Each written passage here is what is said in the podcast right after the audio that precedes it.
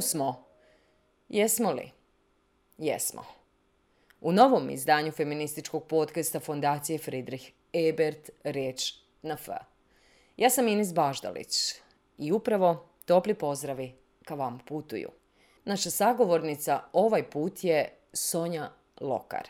Diplomirala je sociologiju i francuski jezik u Ljubljani. Godine 1966. postala je članica Saveza komunista Slovenije – kao sociologinja specijalizirala se za razvoj političkih partija, državnih pitanja socijalne zaštite, ali i pitanja roda. Uslijedile su godine aktivnog političkog angažmana. Od Jugoslavije pa do političarke koja je izabrana u prvi slovenački višestranački parlament gdje je u periodu od 1990. do 1992. vodila Komisiju za rad i socijalna pitanja. Razgovor smo snimali preko Zoom platforme, tehničkog momenta koji nam u stvarnosti pandemije značajno boji život. Koji kolorit preovladava nije lako procijeniti, ali u svakom slučaju traga mu za svjetlošću.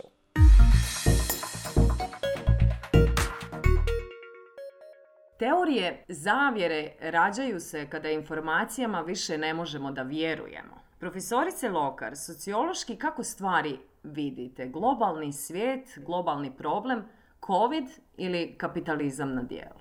Pa ja mislim da je na dijelu kriza kapitalizma i to jedne posebne vrste kapitalizma koje smo živjeli zadnjih 30 godina. Naime, ako razmišljamo o kapitalizmu, on nije uvijek bio e, ovakav kakav je danas. Imao je donekle te karakteristike, ali ove su sada stvarno izražene do krajnjih granica. Šta je zapravo to što se desilo? Ja mislim da je ta vrsta kapitalizma koji je financijski kapitalizam ili kapitalizam e, banaka stvari doveo do te situacije da ovako kako se živjelo do sada više se ne može. I to je svima jasno. Zanimljivo da ova kriza koja se pojavila zbog pandemije zapravo samo otkrio te njegove slabosti, razgalila ih do kraja i pokazala zapravo da ne možemo da se vratimo na staro. Bez obzira koliko to neko želio, na staro se vratiti ne može.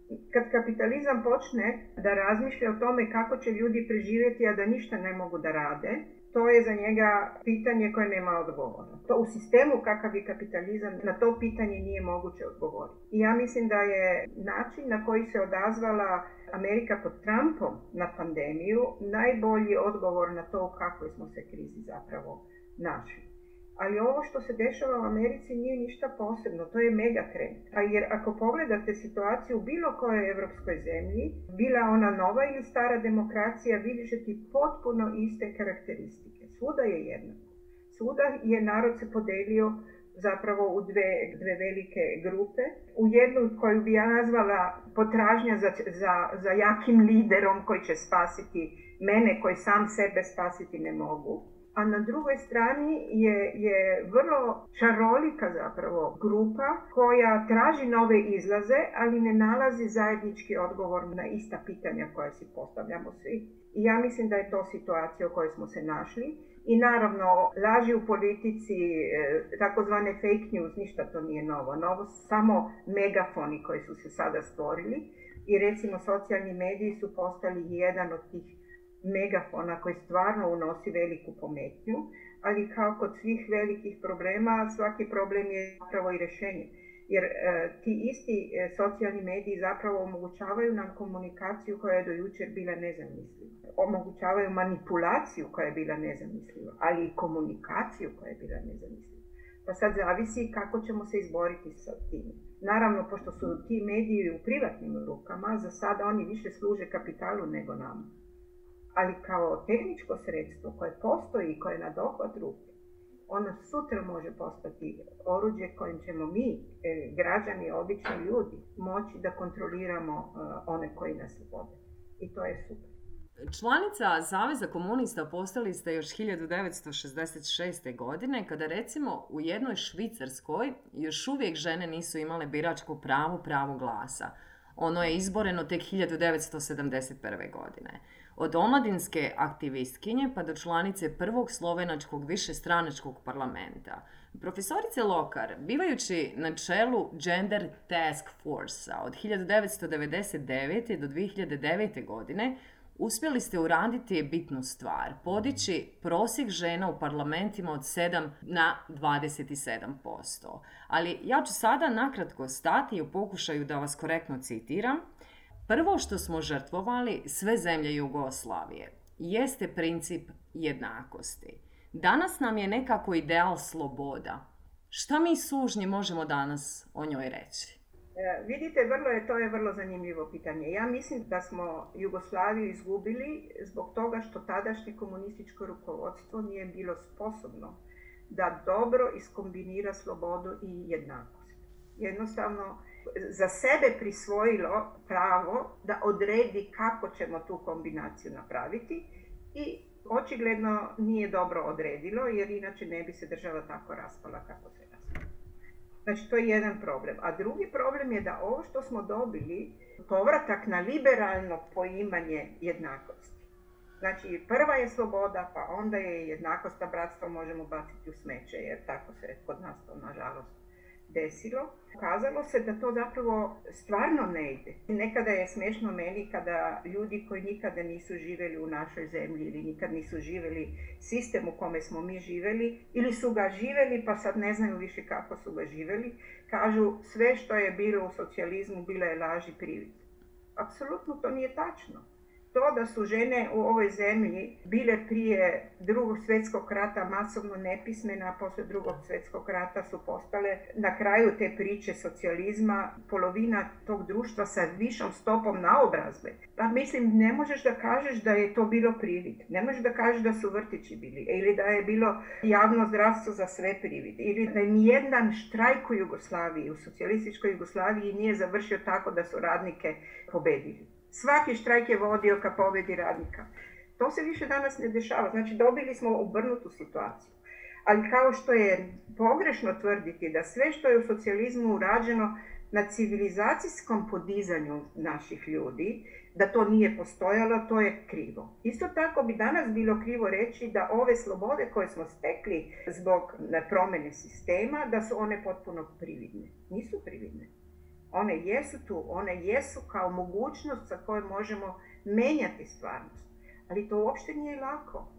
Dakle, u društvu u kome imaš ti sjaset različitih interesa, mnogo je teže ostvariti ideje jednakosti, naročito zbog toga što parlamentarna demokracija isključuje faktički, ne u teoriji, faktički isključuje one koji imaju najveću potrebu za jednakost isključuje manje obrazovane, isključuje ljude koji žive na margini, isključuje žene koje nemaju političku moć, isključuje mlade ljude, isključuje djecu koji nemaju glas.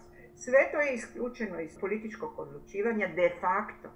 Ne na papiru. Na papiru sve, funkcionira, ali de facto ne funkcionira. U ovom sistemu u kojem sada živimo, mi se zapravo borimo vrlo slično kao što smo se u komunizmu borili, da dobre reći u partijskim programima budu i, prava praksa tog pokreta.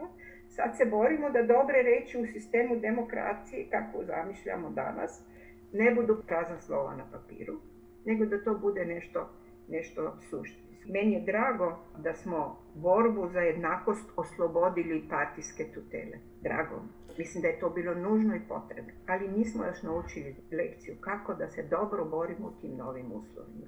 I verovatno treba malo više vremena e, nego je, možda je jedan ljudski vek. Glavna uloga žena u kapitalizmu je da besplatno omogući kapitalu da se reproducira radna snaga. Kada danas razgovaram sa ženama koje jesu i majke, nije im draga ova konstrukcija. Teško im pada pa će reći ja se sa ovim ne slažem. Ja ne bih rekla da je to glavna uloga žena u kapitalizmu, jer ja mislim da je to mnogo šire, šira stvar. Apsolutno je kapitalizam na, na život i smrt povezan sa patrijarhatom. Ali to nije isti patrijarhat kakav je bio u ne znam, u 17. veku, 18. veku, 19. veku. To je jedan drugačiji patrijarhat. Ja mislim da se kapitalizam veoma spretno prilagođava i iz patrijarhata izvlači ono što mu u danoj fazi razvoja donosi najveći. Apsolutno iskorištava besplatno taj rad iz ljubavi, kako se to zove, rad iz ljubavi, znači briga za, za djecu, briga za nemoćne, briga za stare ljude koji sami ne mogu da se pomognu i da to sve veselo svali na ramena žena, da to one rade besplatno, to je za kapital bonus i sigurno na tome participira. Ali istovremeno on će bez ikakvih problema da uključi žensku radnu snagu gdje god je može uključiti, naročito ako je može manje platiti od one muške radne snage. Ili ako pretpostavlja da su žene, da se teže pobune nego što se pobune muškarci. Ali je u stvari istorija pokazala da je istina, žene dulje izdrže dulje izdrže šikanu, dulje izdrže iskorištavanje. Duže trpe. Da, ali kad se pobune, onda ih više ne može zaustaviti. Dakle, to je razlika između muškog i ženskog otpora. Recimo, niko nikad nije to neko preučavao, ali e, jedan od najvećih štrajkova koji je doneo uspeh u Sloveniji prije drugog svjetskog rata bio je ogroman štrajk tekstilnih radnica one su si u tom štrajku, to je jedini takav primjer, izborile da je nakon toga bila priznata minimalna plata i to jednaka minimalna plata za žene i muškarce. Znači, usred vrlo konzervativne, vrlo podrazvijene e, kapitalističke prve Jugoslavije, taj štrajk su žene tako dobro organizirale i vodile da na kraju nisu mogli da im odbiju E, nešto što je zapravo karakteristika kasnijeg razdoblja, znači jednaka plata za jednaki rad. Iako danas žene imaju pravo glasa, one nisu jednako zastupljene na mjestima odlučivanja u izvršnoj i zakonodavnoj vlasti. To zorno potvrđuje i podatak evo 2020. na lokalnim izborima u Bosni i Hercegovini, od ukupnog broja kandidata za načelnike i načelnice svega je 29 žena u odnosu na 396 muškaraca. Što vama ovo govori?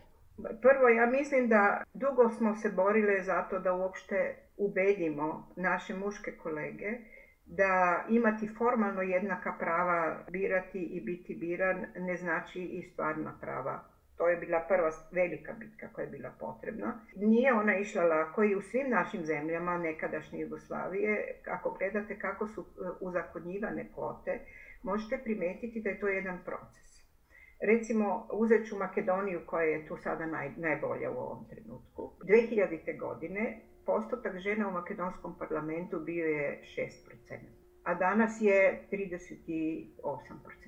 Zašto je to tako? Zato što su tamo žene E, uspjele međusobno da se povežu i da stvore dovoljno jak pritisak na e, formalnu politiku i da vrlo vešto taj pritisak e, jačaju, jer su iz jednih izbora u druge zapravo podizale letvicu i tražile veću, veće pravo da budu ravnopravno zastupane. I tu su primijenile ama sve dobre prakse koje su otkrile u, u u raznim zemljama u našoj regiji. Jer je svaka od tih zemalja imala neku neku dobru praksu od koje si se mogao naučiti kako nešto da radiš.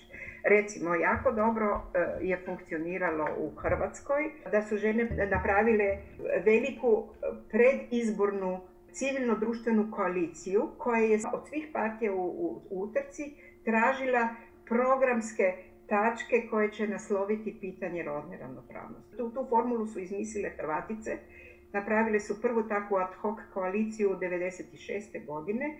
Od njih smo cijelo ženski pokret u regiji naučio da ne možeš dobiti ništa ako se ne organiziraš u pravo vreme i jasno ne postaviš svoje zahtjeve velikoj politici u trenutku kada ona mora da sluša. To je samo vreme pred izbore. Jer politika se pravi da, da stvarno uzima u ozbir birače i biračice samo recimo nekoliko mjeseci prije izbora. Tada bi oni svi bili veoma e, pristojni, dobri i sve bi napravili kako bi ljudima, e, ljude zadovoljili. Ako žene tada naprave veliku koaliciju i postave jasne zahtjeve, to utječe na programsku e, orijentaciju partija i one moraju da se prilagođavaju i to rade. tako smo izbojevali kvote u cijeloj ovoj regiji. Jer smo uvek tražile u trenutku kad su se pripremali izbori, izašli smo sa velikom koalicijom i tražili smo od partija to, to, to, recimo tri stvari, ali i kvotu za, u zakonu koja će nam izravnati položaj prisustvo u organima odlučivanja. Makedonke su tu vježbu ponavljale praktično od 2000. godine na svakim izborima. Svaki sljedeći izbor je podigao kvotu malo više. Krenule su sa 30% bez ikakvih e, pravila gdje će žene biti rangirane. Sledila je kvota sa pravilima da je svaka treća morala da bude na listi.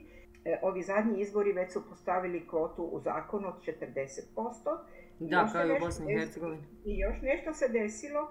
Naime, desilo se to da su žene u političkim partijama pokušale da osvoje veće kvote u svojim partijama nego što su one bile u zakonu. I u ovom trenutku imate u Makedoniji situaciju da je najveća partija tamo, najjača, taj trenutak, znači socijaldemokratska partija, za sebe na svom kongresu izglasala da kvote moraju biti 50%. I kad to napravi najjača partija u zemlji, nema druge, druge partije, hoćeš, nećeš, moraš, grizu tu kiselu jabuku i prihvataju pravila koja su sada nametnuta od ženskog pokreta. Ali, ako nema jakog ženskog pokreta, ako nema zajedničke koalicije svih žena koje se za to bore, ako nema jedne jake partije koja to nosi na svom, kao svoju zastavu, taj će proces da se urušava i bit će i, i, povratka natrag. Može se desiti i da se, da se, da se to zakotrlja natrag. Nije nužno da to ide uvek samo gore gore. Tako je. Ali jedna stvar je, što je apsolutno nužno, osvojiti broj a druga je stvar usvojiti moć. Jer žene sada imamo broj. U mnogim situacijama imamo broj u parlamentima, imamo broj čak i u vladama. Zamislite, vlada u Srbiji ima pola žene. Znači moramo da mislimo o novim načinima kako ćemo svoje prisustvo pretvarati u istinsku Jedan odgovor na to pitanje jeste kako iznutra osvojiti naše partije. Jer partije su nam još uvek glavni nosioci. U njima još uvek moć drže muškarci, iako postoje unutar partija jezgra ženskog otpora, ako ga tako imenujem, on je jako, jako slab. Tu unutrašnju organiziranost u partijama moramo se truditi koliko god možemo da ojačamo i da zapravo žene unutar partija čine šta god mogu da bi njihove partije postale rodno stvarno senzitivne ako gledam e, kako sada ti procesi teku u, ovom trenutku na, na Balkanu, nisam previše sretna. Zato što one partije koje su uvijek zastavu držale, izgubile su poprilično privlačnosti za biračko telo i smanjile su se ja. Jer obično su takve e, partije bile partije socijaldemokratske, laborističke, ove na, na levici.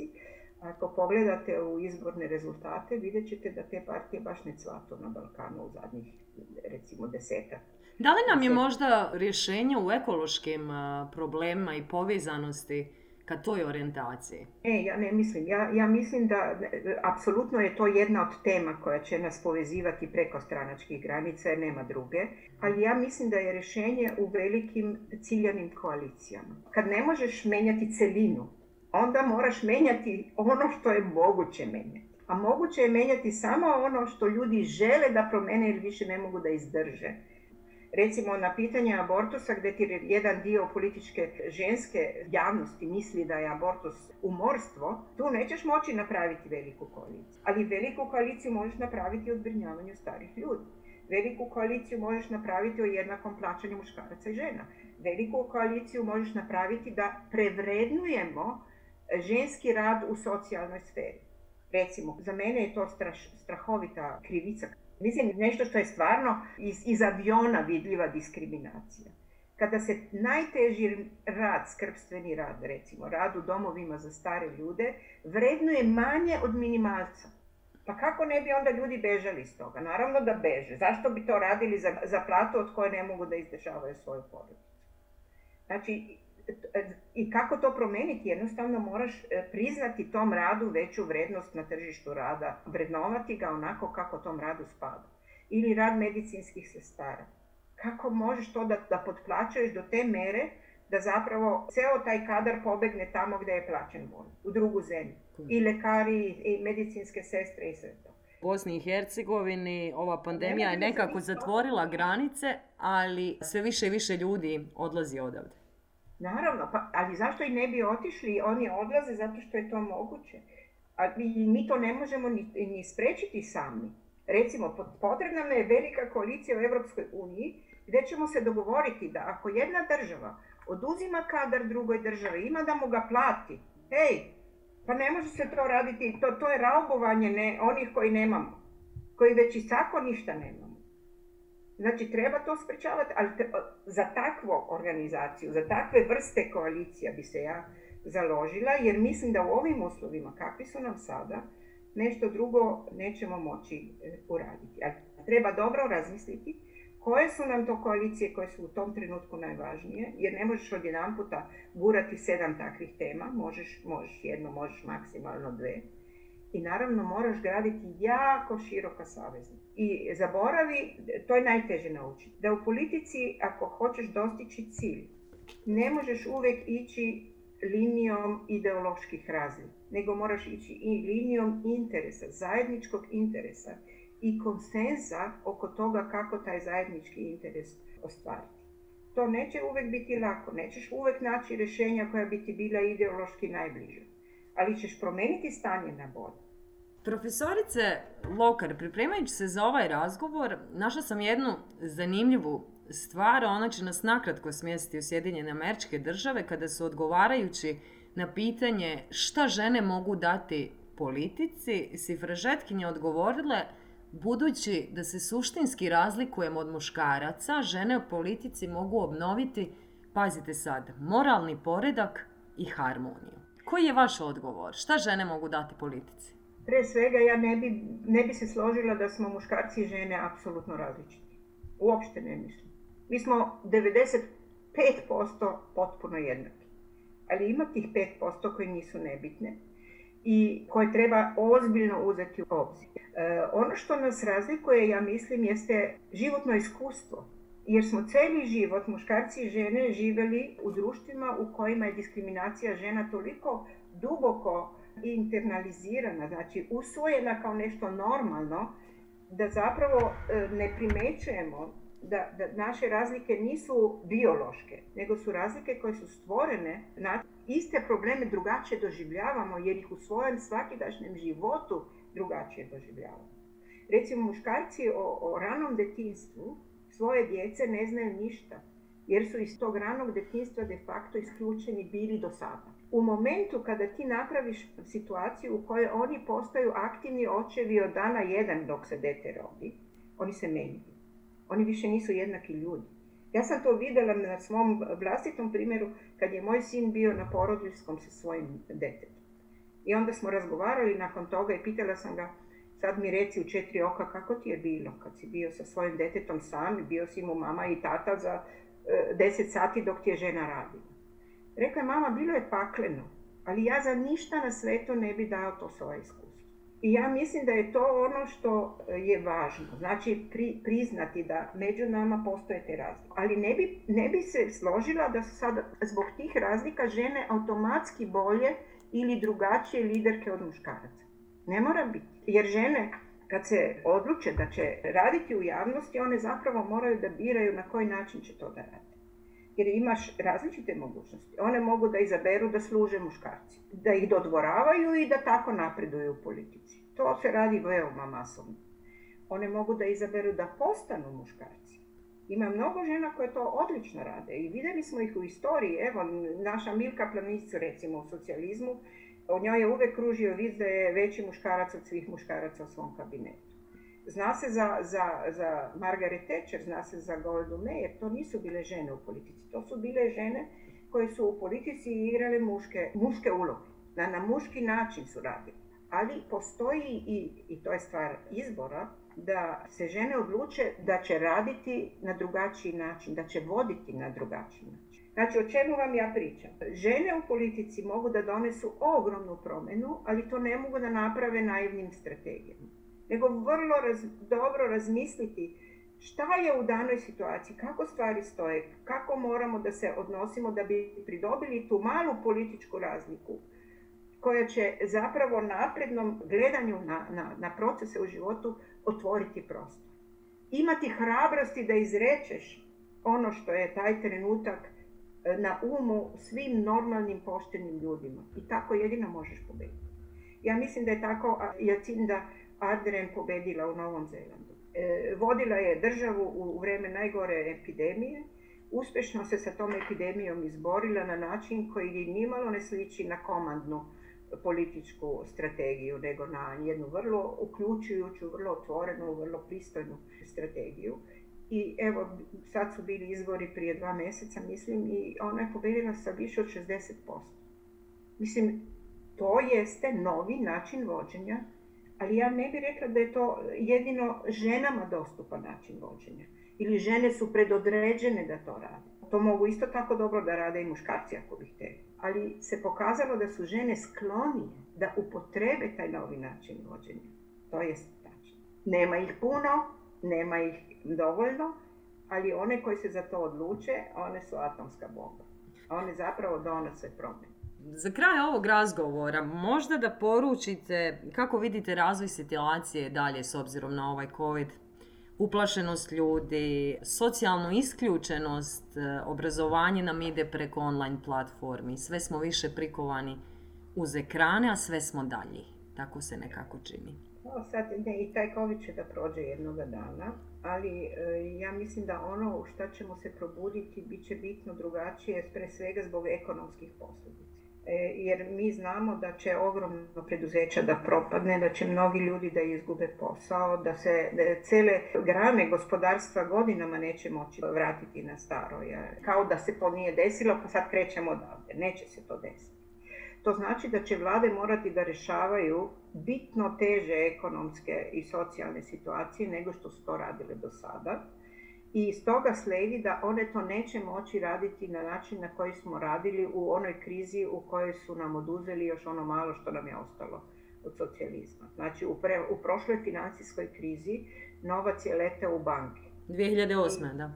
El je u spasavanje banaka, a ljudima su oduzimali i mrvice zadnje socijalne sigurnosti koja je bila državno garantirana. Jel? Ja mislim da se taj scenario neće moći ponoviti, barem ne e, ako se demokracije ne promene u, u diktaturi. Znači tu smo zapravo. Ako, ako ćemo htjeti i moći očuvati demokraciju, onda će to biti socijalna demokracija ne mislim e, socijalna demokracija e, kao politička partija, nego mislim kao način rešavanja problema. To će biti nešto što je sličilo recimo na situaciju nakon drugog svjetskog rata. Kad je tolika, toliko siromaštvo bilo, tolike stvari je trebalo popraviti, da jednostavno nisi više mogao drati kožu ljudima, nego si morao ono što je bilo e, stvoreno, e, privređeno, pravednije podeliti kako bi svi preživjeli i kako bi društvo ostalo kohezivno. To je jedna, jedna moguća, mogući izraz. A drugi mogući izraz je da se nametne jedna izuzetno autoritarna, vrlo ideološki ostrašćena i isključujuća politika gdje će se tražiti krivce za nastalo stanje i onda se prema njima e, primjenjivati najstrože moguće mere i dok se te mere primjenjuju najprije na manjini, na kraju se primjenjuju na celo društvo. Danas ganjaš imigrante, sutra ćeš ganjati svoju e, e, etničku manjinu ili žene, feministice, ne sve žene, feministice, a preko sutra svakog od Ja mislim da se sada mnogo zavisiti od toga kako ćemo se ljudi u toj situaciji ponašati. Ako ćemo ostati e, pasivni i dozvoliti da, e, da si kažemo pa njihova je stvar da riješe naše probleme, onda se zna da ćemo završiti u diktaturu. Ako ćemo se aktivirati i pokušati probleme za koje osjećamo da ih moramo riješiti jer su stvarno nužni i stvarati te velike koalicije o kojima ja pričam, koje su smerene ciljano i truditi se da obranimo demokratske institucije. Šta je autokracija? Autokracija je da zakon važi za tebe, ali ne važi za mene koje sam ga nametnuo.